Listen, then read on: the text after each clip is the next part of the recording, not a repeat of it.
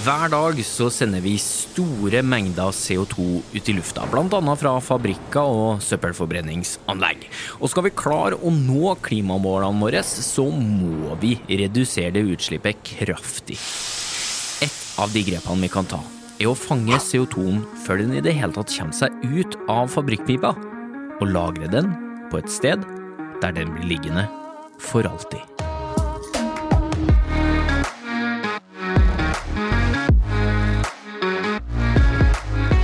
Hører podkasten Smart forklart med Aksel Faanes Persson.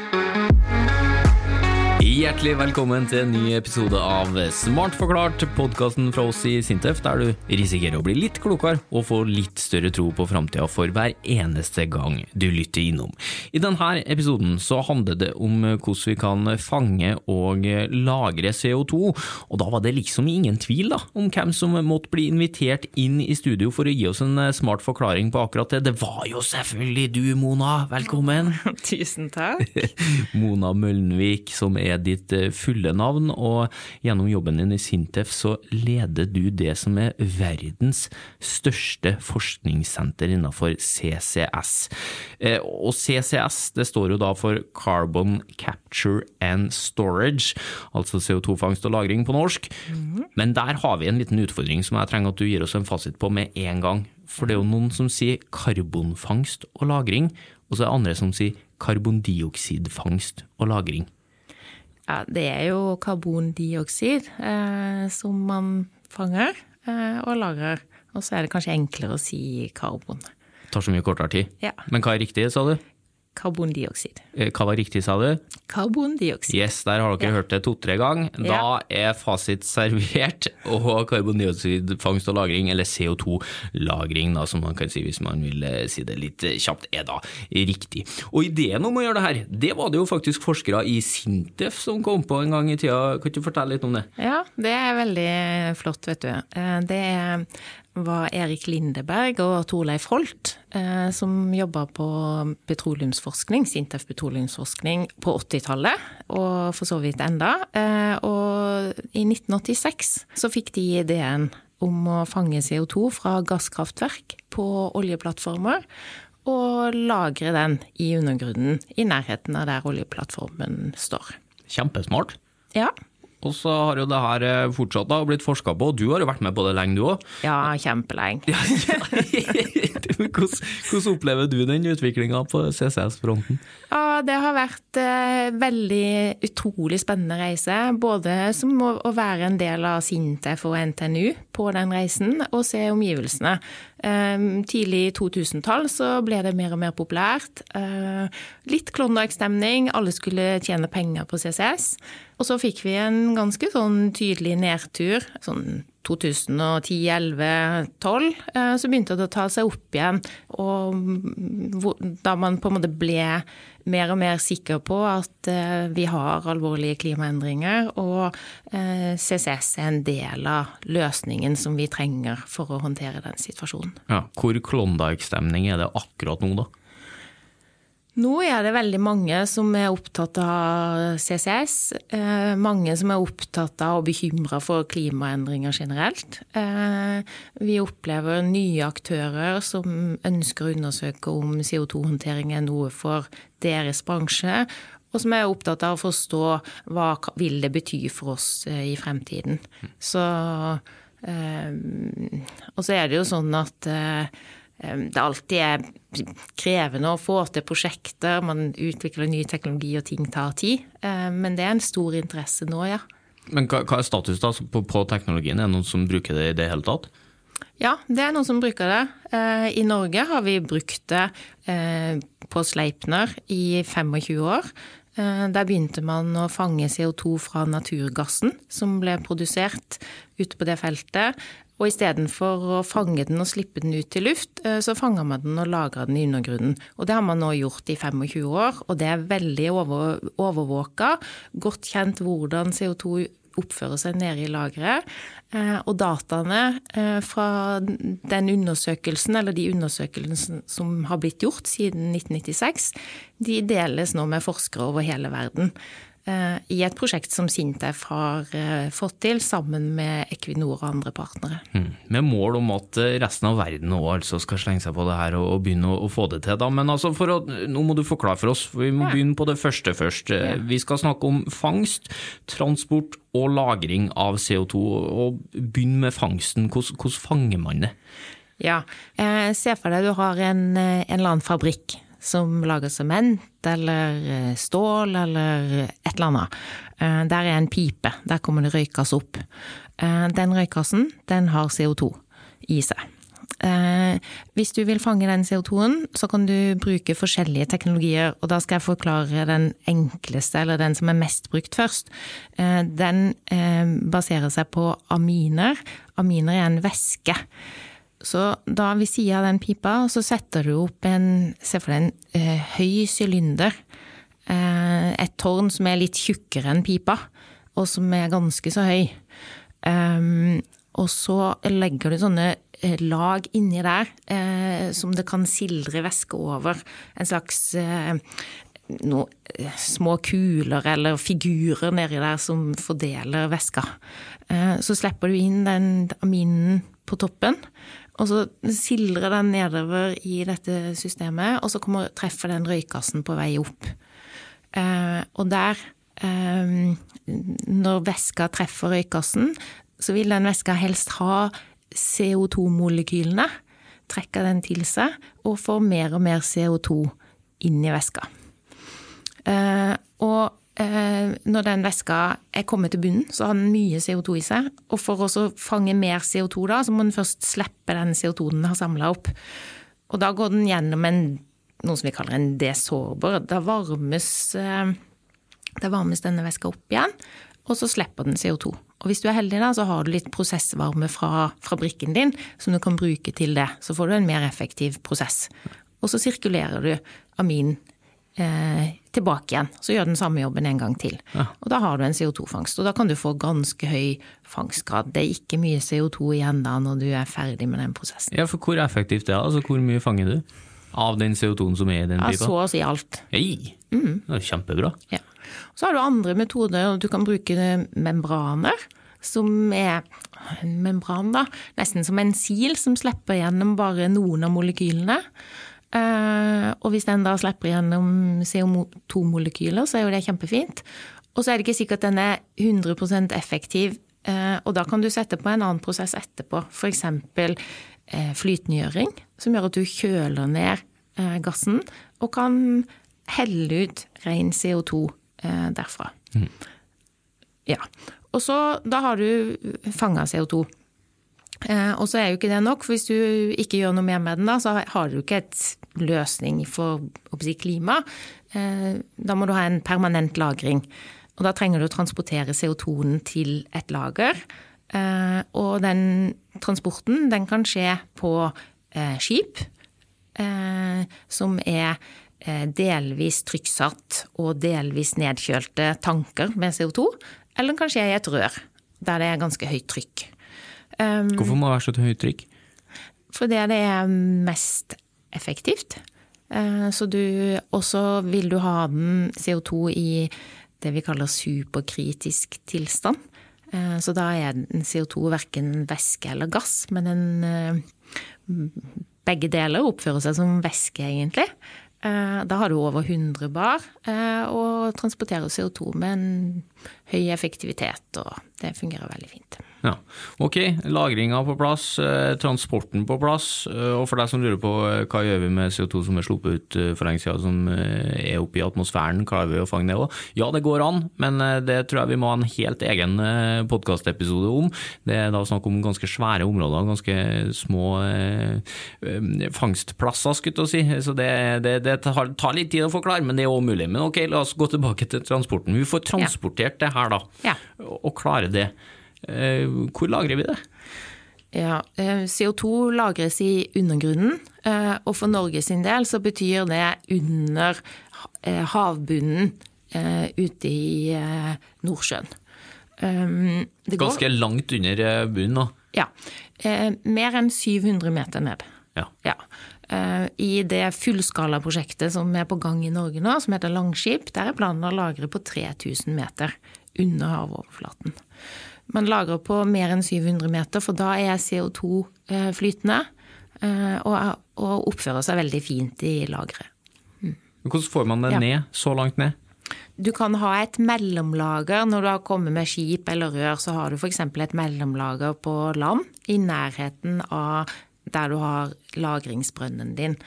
Eh, fra det mellomlageret eh, så har du et rør som går ut fra tankene, ned ut i havet, ned på havbunnen eh, og ned til en bunnramme hvor det er en ventil. og Derfor er det båra en brønn på samme måte som man brårer etter olje og gass for å få det opp, så lager man en CO2-brønn.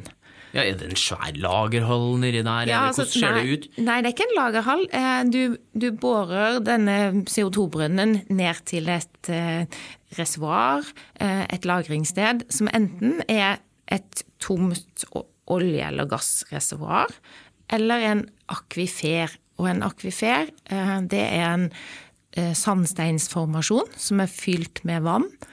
Og så over den så har du tjukt, et tjukt lag med stein, hard stein, skifer. Eh, det Skiferlaget kan være mer enn 400 meter tykt, som blir en, det vi kaller en takbergart.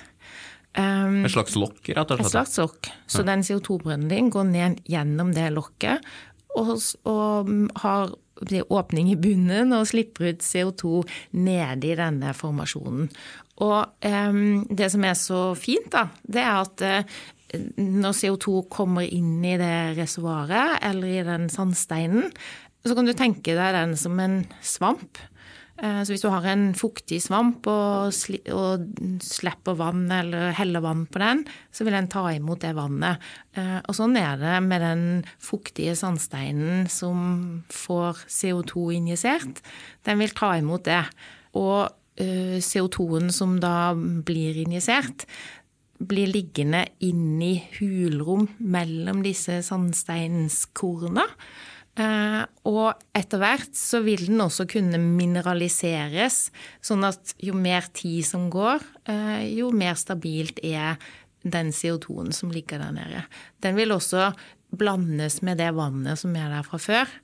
Og det også gjør at den blir værende.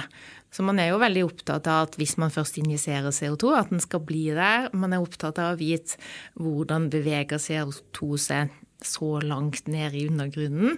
Eh, og hva skjer med undergrunnen i forhold til om det blir trykkoppbygging og sånne ting. Derfor så er man veldig opptatt av å utvikle gode metoder for å overvåke dette gjennom avanserte måleteknikker, og det er jo også noe vi forsker veldig mye på.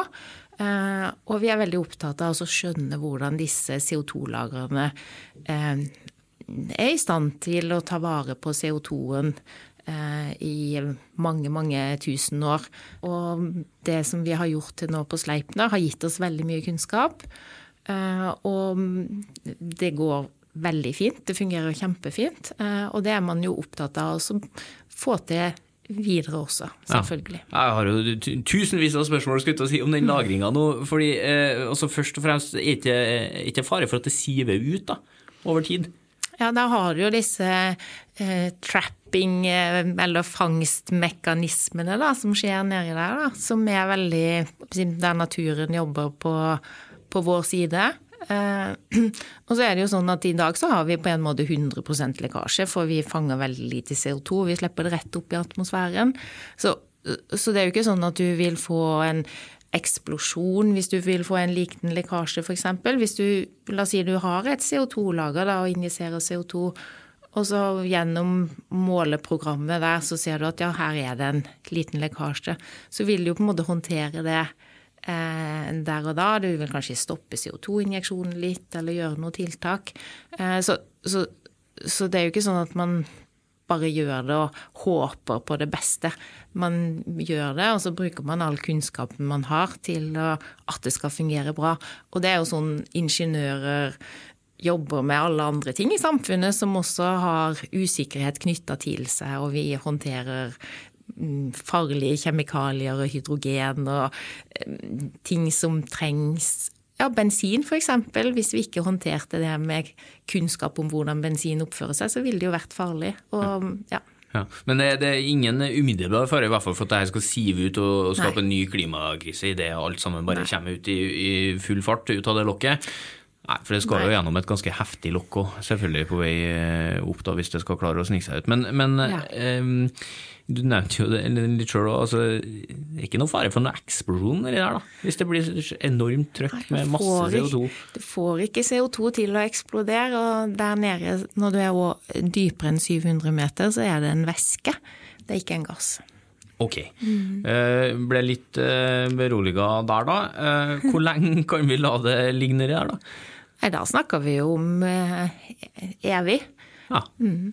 Blir verken sterkere, svakere, eller eh? Ja, altså når tida går, eh, så vil CO2 eh, blande seg med dette vannet som finnes nede i akviferen. Og så vil det mineralisere også. Så hvis det, hvis det går én vei, så er det på en måte at det blir mer og mer stabilt og mindre og mindre sjanse for at det skal komme ut på en ja. måte. Mm. Og hvor stor lagringsplass er det vi sitter på? Ja, i, mm, jeg tror i, På norsk sokkel så tror jeg det er identifisert noe sånn som 70 milliarder tonn CO2-lagringskapasitet. Som betyr? Ja, det er ekstremt mye. Ja. Um, hvis du ser på lagringsbehovet for CO2 i Europa hvis vi greier å nå klimamålene, så vil hele Europa kanskje trenge 1-1,5 milliard tonn per år. Og det jo, i det perspektivet så er 70 milliarder tonn bare i Norge veldig mye. Og så veit vi jo ikke hva det blir i 2050. Og så veit vi ikke heller hvor mange av de 70 milliarder tonnene som man har funnet som mulige lager på norsk sokkel som er realiserbart. Det kan jo være 10% og det kan være 50 eh, og det kan være mer. Eh, og der er det jo på en måte det å bruke kunnskap eh, og være ja, gjøre skikkelige prosjekter og bruke enhver mulighet til å forstå mer om disse prosessene til å gjøre dette smart. Mm. Ja, for det driver jo fortsatt på å forskes og utvikles denne teknologien, og i snakkende stund så er det jo bare noen få dager siden EU sa nei til å støtte et anlegg for CO2-fangst i, i, Oslo, og da var det en del som ble liksom bekymra uh, mm. for hva betyr det for veien videre. Jeg vet ikke, Hva tenker du at uh, et sånt nei betyr for veien videre? Jeg tenker at det var jo veldig synd for Fortum, Oslo Varme og Klemetsrud som hadde denne søknaden til EU eh, e Innovation Fund. Eh, mens når en ser på den lista over prosjekter som ble finansiert der, eh, så var det 70 prosjekter som søkte. Det var syv som fikk tilslag i denne runden, og fire av de handla om CCS. Og mer eller mindre alle de er tilknytta det norske Langskip-prosjektet og, og, trenger et sted å lagre sin CO2. Og Derfor er det så veldig viktig at det norske Langskip-prosjektet nå realiseres, for det gjør det jo. Man skal fange CO2 på sementfabrikken til eh, Norcem i Brevik. Eh, Heidelberg Norcem. Og man skal lage denne transportkjeden hvor man skal transportere CO2 med skip rundt kysten. Man skal ha et mellomlager på Vestlandet og CO2-injeksjon derfra og ut i undergrunnen. Ehm, kapasiteten til fase én i dette prosjektet er ikke så veldig stor. Ehm, men hvis disse prosjektene som nå har fått støtte i Innovation Fund blir realisert, så vil man veldig fort trenge fase to i Langskip, eh, som er fem millioner tonn i året og kanskje enda mer enn det. Ehm, så da er man i gang. Så man, det er veldig viktig nå å komme forbi denne høna og egget-problematikken. At ja, hvis du fanger CO2, hvor skal du gjøre den? Eller hvis du lager et lager for CO2, hvor skal du få CO2 fra? Ehm, så nå er vi i gang. Ehm, CO2-brønnen i Langskip-prosjektet i Northern Lights er båra og kvalifisert. Eh, og mm, prosjektet kommer til å bli realisert, og jeg er helt sikker på at det blir CO2-fangst på Klemetsrud en gang også. Mm. Hva, altså, la oss eh, si at uh, det Langskip-prosjektet du snakker om, det er jo delt opp i, i, for deg som aldri har hørt om det, det er delt opp i tre deler. Altså Det er fangst, transport og lagring. Ja. Um, og la oss si at vi lykkes da, uh, med det prosjektet. Altså, hva kan det bety for norsk økonomi, norsk industri, norske muligheter? Hele verden skal finne løsning for sine CO2-utslipp. Eh, og CCS er én løsning. Eh, hvis man ikke har CO2-lager, så har man egentlig ikke en løsning. Eh, når vi nå får det i Norge, og vi får denne kjeden med skip som kan hente CO2 på Vik og Nes Verden over. Verden over. Ja. Ikke bare i Norge. Så er vi i gang med det som kommer til å bli en ny ære for CCS, og det kommer til å bli enormt viktig for både for norsk konkurransekraft og for, for Europas eh, og verdens klimamål. Vi kan rett og slett fære ut verden rundt vi da, og hente CO2-en som folk har fanga, eh, ta det med til Nordsjøen og så lagre det for dem, og, og på den måten eh, tjene penger. da. Ja, jeg tror jo de som driver Northern Light vil begynne i, rundt Nordsjøen og landene rundt Nordsjøen. Eh, men det ser vi jo nå i disse Innovation Fund-prosjektene. Eh, ligger i disse områdene. Ja, eh, akkurat nå, det må jo være brutalt ærlig å si, så er det her eh, veldig dyrt. Det er milliarder eh, som pøses inn i det. Og noen blir jo da litt redd for at det er et tapsprosjekt. Er det det? Nei, det er ikke det. Det er mye dyrere å ikke gå løs på klimaendringene. Eh, dette er en teknologi eh, som vi trenger for å nå klimamålene. Og hvis ikke vi greier å nå de, eh, så vil det koste samfunnet, det norske og internasjonale samfunnet, mye mer. Så det er mye dyrere å ikke gjøre noen ting. Og så Hvis vi går til norske aktører, så er det utrolig bra hvis norsk industri får til å håndtere sine CO2-utslipp og har et sted å levere CO2. I tillegg så har du byene som ønsker og vil og trenger å få ned sine CO2-utslipp. Vi har søppelforbrenningsanlegg i byene eh, som trenger denne løsningen. Så veldig mange trenger CCS, selv om det ikke virker sånn akkurat nå. Og så har vi i norsk perspektiv eh, naturgassen, som vi da eksporterer til Europa for det meste. Som vi kan gjøre CO2-fri eh, gjennom å bruke CCS. Og det eh, blir en veldig viktig mulighet for Norge fremover. Mm. Eh, hvor god klimaløsning vil du si at det er, da, det her? Når man skal mm, håndtere klimaendringene, eh, så er det ikke sånn at det fins én løsning for alt. Eh, for vi må satse veldig mye på fornybar energi. Vi må satse på energieffektivisering. Kanskje vi til og med må begynne å gjøre det litt annerledes som enkeltpersoner også. Men så trenger vi eh, CO2-håndtering for de utslippene som ikke vi greier å ta med de andre metodene. Og derfor så er denne også kjempeviktig. Mm. Det blir jo som i alle episoder av Smart forklart, jeg blir jo så gira på at vi må få til løsningene her. Og ja. få det ut til verden kjappest mulig. Vi må jo fange den her CO2-en og få den, få den unna. Um, og da er det jo sånn at når vi begynner å gjøre det, så går kostnaden også ned. Ja. ja. Så vi må begynne å gjøre det. Og for hver gang vi har dobla produksjonen nå, eh, så kan vi regne med at kostnadene går ned. Og det vil skje på denne teknologien også. Mm. Og så vil det jo etter hvert komme penger inn i kassa da, når folk begynner å kjøpe de her tjenestene, bl.a. med transport og lagring. Men eh, veien videre da, Mona? Eh, hvor går den? Ja, Vi i Sintef vi jobber jo sammen med NTNU og forskere fra hele verden, og industriaktører også fra Norge, Europa og resten av verden. Eh, og vi tror jo at dette skal bli.